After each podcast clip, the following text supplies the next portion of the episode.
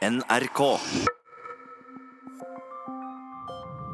No dispares al pueblo de Venezuela. No dispares Ikke skyt på folket, roper en 35 år gammel politiker som ser ut som han kunne vært lillebroren til Barack Obama. Det er dramatiske dager i Venezuela, der Juan Guaidó sier han er landets rettmessige leder. Mens den sittende presidenten Nicolas Maduro nekter å gå av eller å skrive ut nyvalg.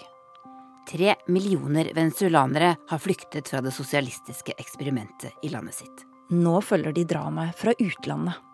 Det er nesten hver dag som jeg, jeg, jeg tenker Hva gjør jeg her?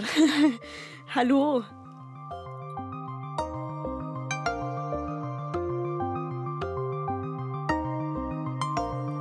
Du hører på Krig og fred med Elisabeth Onsum og Tove Bjørgaas.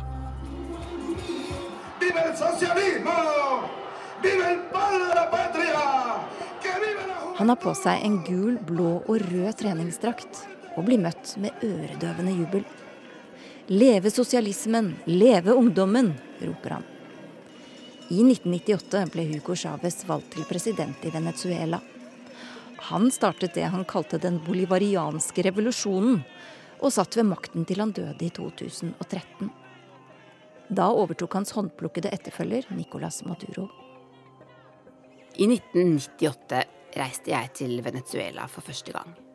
Jeg jobbet for en frivillig organisasjon som heter AFS, og som drev med elevutveksling på videregående.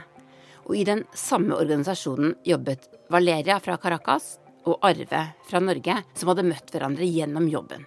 Og nå hadde du, Arve, flyttet eh, til Venezuela. Hvordan var dette landet i 1998? Jeg flyttet ut til Venezuela i april 1998, og jeg kom til et latinamerikansk land hvor ting fungerte på, på, sin måte. Det var jo flott, det var jo bra temperatur, det var flott forhold, et tropisk land. Og jeg kom til et land som eh, var som et normalt land, kan man si. Så det var egentlig veldig fint å komme dit. Mitt navn er Arve Villassen. Jeg bodde i Venezuela i tolv år, fra 1998 til 2010. Jeg ble gift og fikk stifta familie der, og flyttet, vi flyttet hele familien tilbake til Norge i 2010. Men la oss gå litt tilbake. Hvordan møttes dere egentlig? det, det, er en lang historie. Jeg jobbet jo AFS her i Norge og var ansvarlig akkurat da for å sende studenter rundt omkring i verden.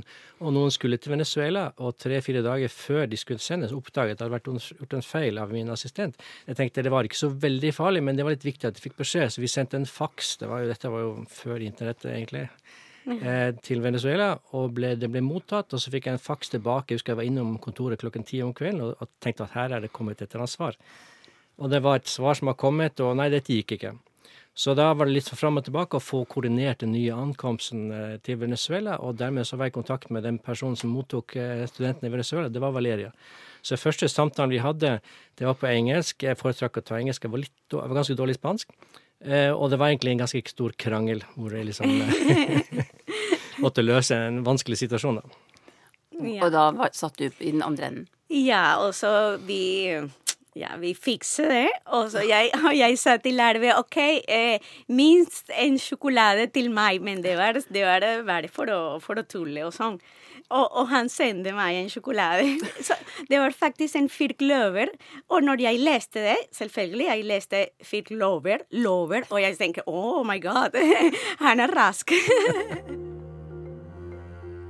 Mitt navn er Valeria Villasen, jeg kommer fra Venezuela, jeg er psykolog, og vi bor i Norge nå med mannen min og to døtre.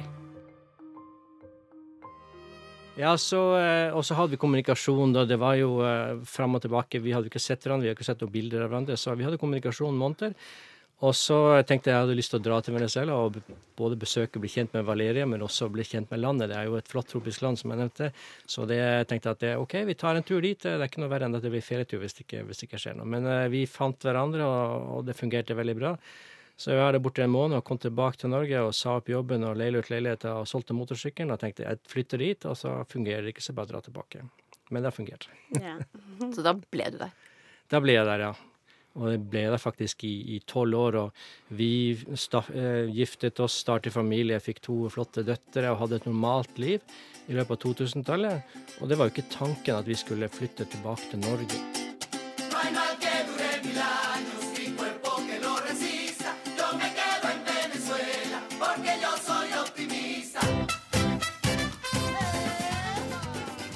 Men Valeria, jeg husker at jeg bodde hjemme hos familien din Ja. uh, i Caracas Ja. i 1998.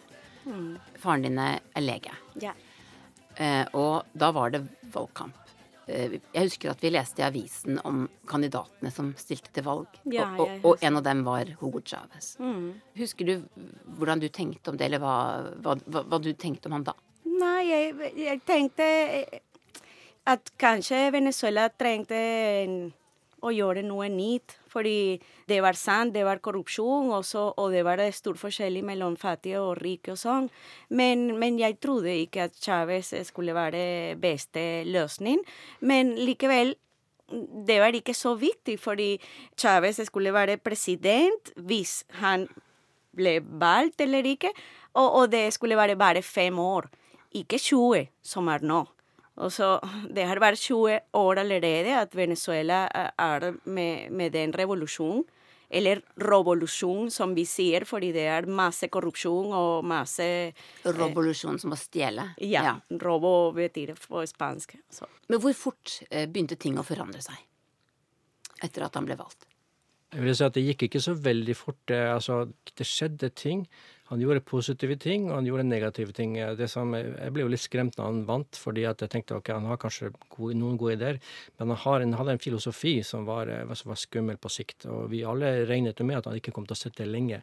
Husker Vi hadde et veddemål i familien til hvor lenge sitter han. Noen sa seks måneder, i verste fall sa fra to år. Så ingen tredje trodde at han kom til å være der lenge. Det ble jo verre og verre situasjon situasjonen liksom, i, i landet, og han eksproprierte veldig mange bedrifter, satte inn politiske personer i mange i viktige verv. Og det ble jo etter hvert mer og mer demonstrasjoner. Det var jo en store demonstrasjon i 2002-2003 med et, eh, en, en sånn massiv kollektiv streik hvor veldig mange bedrifter og offentlig gikk ut og streikte i mange måneder. Store demonstrasjoner, barrikader i, i, i gatene. Og det endte jo opp med at de måtte bare gi seg, for han trakk seg ikke helt tatt. Og da, da sparket han veldig mange av de som hadde vært med å demonstrere. Han sparket halvparten av de ansatte i PDVSA, som er av Venezuelas Statoil. Også de faktisk bor, bor i Norge nå, i, i Stavanger. De som eh, jobbet i, i PDVSA. Mange av dem også i andre land. Den laget en slags eh, svartliste, liksom. Ja, Ja. det er også et helt vesentlig poeng. der. Det, dette har jeg tenkt på, Når det gjelder politiske følelser, så må det, dette være noe av det verste. Det ble laget en underskriftskampanje for å få uh, nytt eh, valg i Venezuela. 2004. Og, ja, 2004. Og det var jo flere millioner som skrev under på disse, disse underskriftene. Og det var underskrift og, og personnummer som ble notert. Og dette ble jo omgjort da til en egen database hvor alle som hadde skrevet under her, ikke fikk jobb i staten, ikke fikk kontrakter med myndighetene, og det var en forfølgelse av alle disse personene. Og dette varte i mange, mange år framover. Så dette er et veldig godt eksempel på politisk forfølgelse til en grad som en ikke skjønner, rett og slett. Ja, faktisk vi hadde en firma, og jeg kunne ikke være, mitt navn kunne ikke være i, i, i firmakontrakt eller noe, fordi jeg også signerte, og, og, og jeg var på den svarte lista, så det var ikke bra at eh, jeg hadde firma med arbeid. Det var bare arbeid som bare Eh, I 2010 så, så måtte dere ta en dramatisk avgjørelse. Da flyttet dere til, til Norge med, med de to døtrene deres, Sandra og Sofia.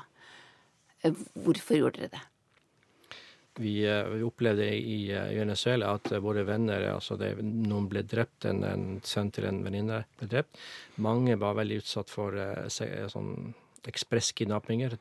Valeria ble ranet, og, og det, det utviklet seg i feil retning. Så vi skjønte at dette, dette kom ikke til å gå bra. Du ble altså ranet i bilen din. Jeg var ranet i bilen. Jeg var med, med Sandra. Eh, hun var fem år gammel. Og, og vi står i kø i, med, i bilen, og det kommer en motorsykkel med en pistol, og de ba meg eh, mobilen. Så ja, det var, det var ikke så ille, men ja, man Det er det vanskelig å oppleve med en pistol og, og, og barna dine i bilen. Det, det var Midt, ikke midt i Caracas. midt i Caracas, ja. Å forlate et land som, som er så farlig at du ikke kan bo der lenger. Hvordan opplevde du det? Eh, det er Det er nesten hver dag som jeg lurer Jeg, jeg tenker Hva gjør jeg her? Hallo? Kan dere reise tilbake på besøk? Gjør dere det? Nei, vi kan ikke, fordi eh, jeg er redd. Også, også, jeg er redd fordi jeg jobber her i Norge eh, i opposisjonen og sånn. Og jeg tror kanskje jeg er i en svart liste, og jeg er redd si, hvis eh, jeg kommer i flyplassen og jeg kan bli i fengsel. Hvor lenge er det siden sist du var der? Eh, for to år siden. Så det har blitt mye verre på, på bare to år? Ja. Foreldrene dine bor fortsatt i Caracas? Ja, mine foreldrene bor der fordi ja, de er gamle, ikke gamle, men de, de det er ikke, det er ikke samme som flytte til en annen og, og, og starte fra null, som vi gjorde. Men, så de bor der, men alle kusiner, fetter, også min søster, min bror, alle flyttet.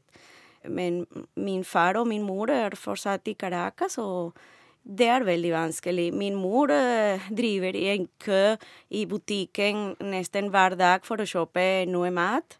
Og så de har ikke strøm, de har ikke vann.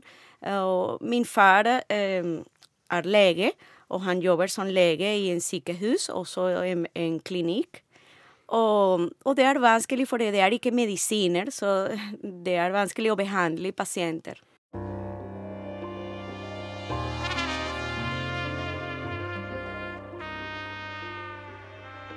Jeg har jo snakket med helsepersonell her som forteller om det som man kaller for stunting. Det er et litt rart begrep, men det betyr at folk blir kortvokste.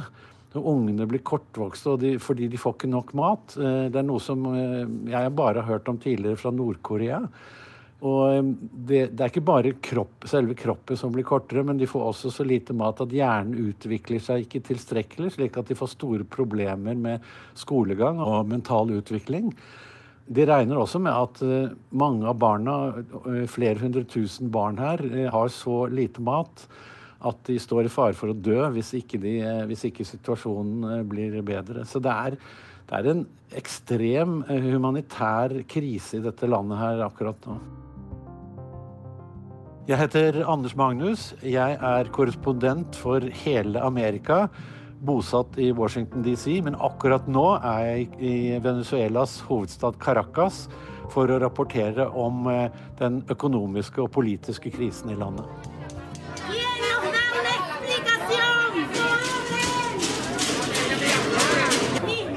Det er mye snakk om disse butikkene hvor det er så lange køer. Ser du de køene? Jeg har sett lange køer foran brødutsalg, eh, men i butikkene er det faktisk ikke så veldig mye køer. fordi Enten så har eh, ikke butikken det man ønsker å kjøpe, eller så er det altfor dyrt. Og eh, så, så, mye av det som selges, er jo rene basisvarer som folk går direkte til eh, f.eks. bakeriet eller eh, på, på markedet, da, mens eh, supermarkedene blir ikke besøkt i så stor grad. Og man kan jo forstå det. altså nå etter at eh, bolivaren, altså pengeenheten her, ble devaluert, så er en eh, vanlig månedslønn eh, i norske kroner på rundt 75 kroner. Og én kilo mel koster ca. 15 kroner. Så da skjønner man jo at man har ikke så uh, mye i butikken å gjøre når du har en, en så lav uh, lønn. Og det, det, er veldig mange som lever på denne grunnlønnen. Det sies at uh, 80% av befolkningen eh, her i eh, Venezuela er fattige. Men det som er spesielt her, er jo at det er så tomme gater. Veldig lite biler. Nesten ingen som går i gatene. Og om kvelden er det helt uh, tomt for folk. Etter at uh, det er blitt mørkt, så er det ingen uh, som går ute. Og de jeg snakker med, sier at nei, det kan man ikke gjøre. Det er farlig. Er det noe slags portforbud eller noe sånt? Er det derfor det er så tomt? Nei da, det er, ikke, det er ikke, noe pålagt at uh, folk ikke skal gå ut om kvelden. Det er rett og slett folk tør ikke. Fordi de er, uh, de er redde for kriminelle. Og så er man også selvfølgelig redde for, uh, for det hemmelige politiet, som jo har arrestert mange. Det er jo, etter siste demonstrasjonene så er det jo 800 som har blitt arrestert. Og man kan jo ikke vite hvem man møter når man er ute på gaten heller om kvelden, fordi det hemmelige politiet eller en, en noen som de eh, rekrutterer, går jo rundt i sivilklær og eh, har som oppdrag å ta livet av mennesker. Du har vært uh, veldig mange steder, Anders. Bl.a. i Asia, hvor du var korrespondent før, og, og, og vært på naturkatastrofer og, og, land hvor det er krig og, uro. Hvordan sammenligner du det du ser uh, i Caracas med, med, det du har sett før? Altså, det, det jeg forteller til kollegene mine, er at jeg så å si kjenner eh, eh, lukten av forandring her nå. Og det jo, kan være både positivt og negativt, men jeg føler at det, er, det kommer til å skje noe i løpet av neste, eller denne uken her. Er, eh, opposisjonen er veldig veldig påfangsgivende, og de er veldig håpefulle. Og hvis de klarer å stå løpet ut uten at uh, politiet og militæret griper inn, så blir det en forandring uh, hvor man kan regne med nyvalg innen ganske kort tid. Esa ha sido una pregunta recurrente de los últimos días y es un dilema eh, eh, puesto de esa manera muy duro para Venezuela. ¿Qué prefieren? ¿Morir de hambre? Juan Guaidó blir spurt om han støtter en internasjonal militær aksjon. Han svarer at det er et vanskelig dilemma, og en løsning han egentlig ikke støtter. Vil folket dø av sult og se barna sine gråte i gatene? Eller vil de ha den ekstreme løsningen å bruke militærmakt? Hvem er Juan Guaidó? Juan Guaidó er en uh, ung uh, politiker som tilhører et parti som heter Voluntar Popular. Uh, det er et sosialdemokratisk parti, i hvert fall i navnet, og er ledet av den mye mer kjente Leopoldo Lope, som var en leder for opposisjonen fram til for noen år tilbake, men som nå sitter i husarrest. Mitt navn er Leiv Marsteintrede. Jeg er førsteamanuensis ved Institutt for sammenligning politikk ved Universitetet i Bergen, og jeg forsker på Latin-Amerika. Juan han, han ble kjent, eller han ble i hvert fall steg i gradene som politiker under de store studentdemonstrasjonene tilbake i 2007, eh, da Hugo Chávez eh, ledet an i en folkeavstemning for å tillate at presidenten, altså Hugo Chávez sjøl, skulle få lov til å bli gjenvalgt så mange ganger han ville som president. Eh, så, han representerer på et vis noe nytt i, i opposisjonen, som, som, jo har vært viktig, fordi opposisjonen har vært langt nede. Den har vært diskreditert fordi deres lovnader om et skifte til demokrati har de ikke greid å holde. Eh, og opposisjonen har ikke vært særlig populær i befolkningen i Venezuela de siste par årene. Han er altså 35 år gammel. Ligner ganske mye på Barack Obama, syns jeg, sånn av utseende. Enig i det? ja, han gjør kanskje det, og, og, og det er jo en fin parallell å ta. Og, og han, han, er jo litt annerledes enn en god del andre politikere. Han fremheves at han er ganske rolig. Eh, han er ganske avbalansert i hvordan han snakker, og det er jo noe nytt i Venezuela, der polariseringen har vært så sterk, og vi har vært vant til å høre Hugo Chávez og Maduro og en del representanter for opposisjonen eh, være veldig kritiske til hverandre og bruke veldig store og også stygge ord mot hverandre. Selvfølgelig av medarbeidere, men han kom inn med en plan for hvordan han ønsket at, eh, at Venezuela skulle, skulle, få en demokratisk endring, eh, og der han da greide å alliere seg med eh, de fleste latinamerikanske stater, i hvert fall de største og viktigste, samt USA og Canada for denne planen. Så slik sett så, så er han jo ny frisk og ny retorikk og virker mye mer gjennomtenkt. Så, så jo da, gjerne det, enn en Barack Obama i Venezuela. Hola. I'm Mike Pence, the Vice President of the United States. And on behalf of President Donald Trump and all the American people, let me express the unwavering support of the United States as you, the people of Venezuela, raise your voices in a call for freedom. Tror du det er han som har planlagt eh, dette, eller har han fått veldig mye hjelp fra f.eks. USA? Ja, han, han, har selvfølgelig fått mye hjelp, men, og det eksisterer litt ulike forklaringer på dette. Men det er ingen tvil om at uh, dette her er en plan som utgår fra Venezuela. Og, og der endelig uh, de har greid å få internasjonal støtte for denne planen. Fordi det er ingen tvil om at både i USA og i andre latinamerikanske land så har man vært skeptiske til de planene opposisjonen har, har presentert for å skape endring i Venezuela. Eh, men nå tror jeg det har gått så langt, og, og nabolandet er såpass misfornøyd med Maduro, og de er såpass også bekymret for den migrasjonskrisen som er skapt, at nå var de villige til å gå om på, på en plan som på et vis eskalerer krisen, og som var mer risikofylt. Eh, så det har vært mye diplomati. Han har vært hjulpet godt av Eh, politiske ledere, venezuelanske ledere som, som, lever nå i eksil, som har gode kontakter selvfølgelig inne i Washington, eh, men også i Europa, og også til, til andre land, latinamerikanske land. Og så eksisterer det på et vis to fortellinger om, om USA sin rolle her. USA og Trump har visst vært eh, veldig opptatt av Venezuela tidlig, men klart at denne planen her er veldig utrumpsk. ikke sant? Altså Trump liker jo å utbasunere ting på Twitter før det er gjennomtenkt. Og her, eh, her var det en gjennomtenkt plan. Hadde, vi hadde ingen anelse om dette for tre-fire uker tilbake. Det var ingenting som var lekket. Eh, og, og, og planen ble annonsert før Trump var ute på Twitter, f.eks. Hva er alternativene nå, slik du ser det? Et alternativ er jo det at, at konflikten fryses nå, dersom la oss si Russland og Kina går inn og støtter Maduro så sterkt som de bare kan, så er det stort sett lite USA kan gjøre, eller de, de andre amerikanske statene kan gjøre, med mindre man skal tenke på dette eh, mulige militære intervensjonen som, som, eh, som, et utfall. Og det, det, tror jeg er relativt eh, lite sannsynlig. Eh, men, men, nå har de eh, altså innført sanksjoner mot PDVSA, som er det statlige oljeselskapet, og som står for den største, største delen av eh, dollarinntekter til landet. Eh, og, og, det betyr at, eh, at, eh, de økonomiske problemene eskalerer fra en, fra en, situasjon som allerede er svært dårlig. Maduro sier han ønsker dialog, men det er vanskelig å på et vis ta det alvorlig. Og dialogsporet var vel noe som var mye mer aktuelt for noen år tilbake, fordi nå er kravet klart at det skal arrangeres nyvalg. Eh, så det, det, er litt eh, usikkert hva man skal snakke om, utover muligens en exit-plan for Maduro. Eh, opposisjonen håper nok egentlig på at de militære vil bryte inn og, og sette av Maduro, eller at, eller at presset blir så stort at Maduro trekker seg. Presidente Donald Trump. La sangre será la sangre que estará en sus manos. Presidente Donald Trump. Blodet som måtte flyte i Venezuela, vil være på dine hender, Donald Trump sier president Nicolas Maduro. Når vi flyttet til Norge, det var bare for et år.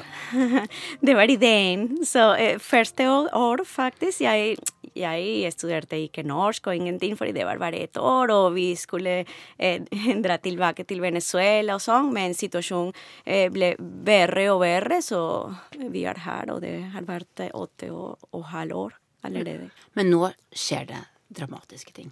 Jeg har fem scenarioer der, og det beste scenarioet er egentlig at det militære går over på Guaidos side.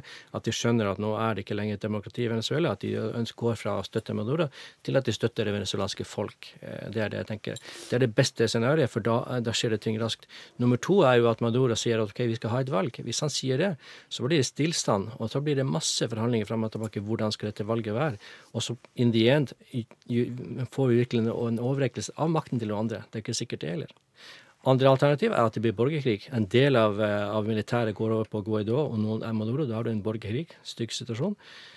Annet alternativ er selvfølgelig at det blir en militær intervensjon, som utgangspunktet en ikke ønsker det. Men altså, er det er nødvendigvis så mye verre enn at uh, det vi leste i, i, nettavisen på NRK to dager siden, 200 000 barn som er i ferd med å bli underernært. En må vurdere hva skal være, i forhold til andre ting. Et siste alternativ, at det ikke skjer noe som helst, det ser jeg som vanskelig nå. Nå, nå, nå kommer det til å skje et eller annet. Mm, det er sant. Er du redd for de som er igjen der? Veldig.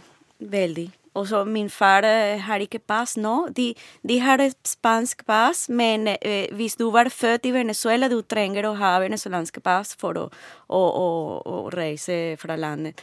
Og, og, min far har ikke pass nå. Og de er der så jeg tenker hver dag hva, hva skjer med dem hvis noe skjer som en militær eller en krig, eller, eller hvis de har ikke mat eller medisiner, eller de er alene hjemme. Og så Ja, jeg er veldig redd. Veldig. La oss prøve å se litt inn i framtida. Det er sikkert veldig vanskelig. Men, men hvis, hvis, dette nå ender med at Maduro må gå, hva, hva må skje i Venezuela? da? Hvor, hvor begynner man?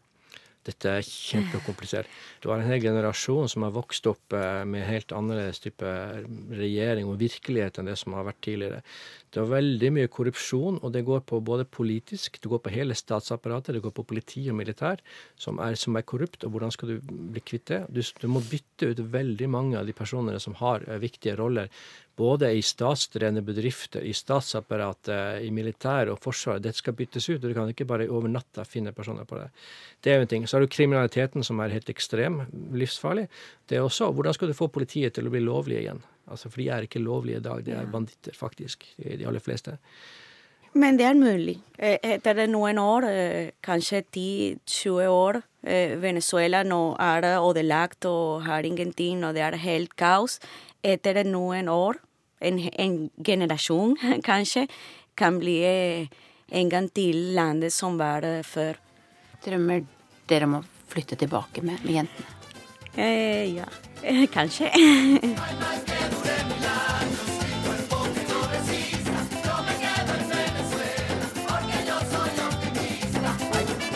Krig og fred. En podkast fra NRK Urix.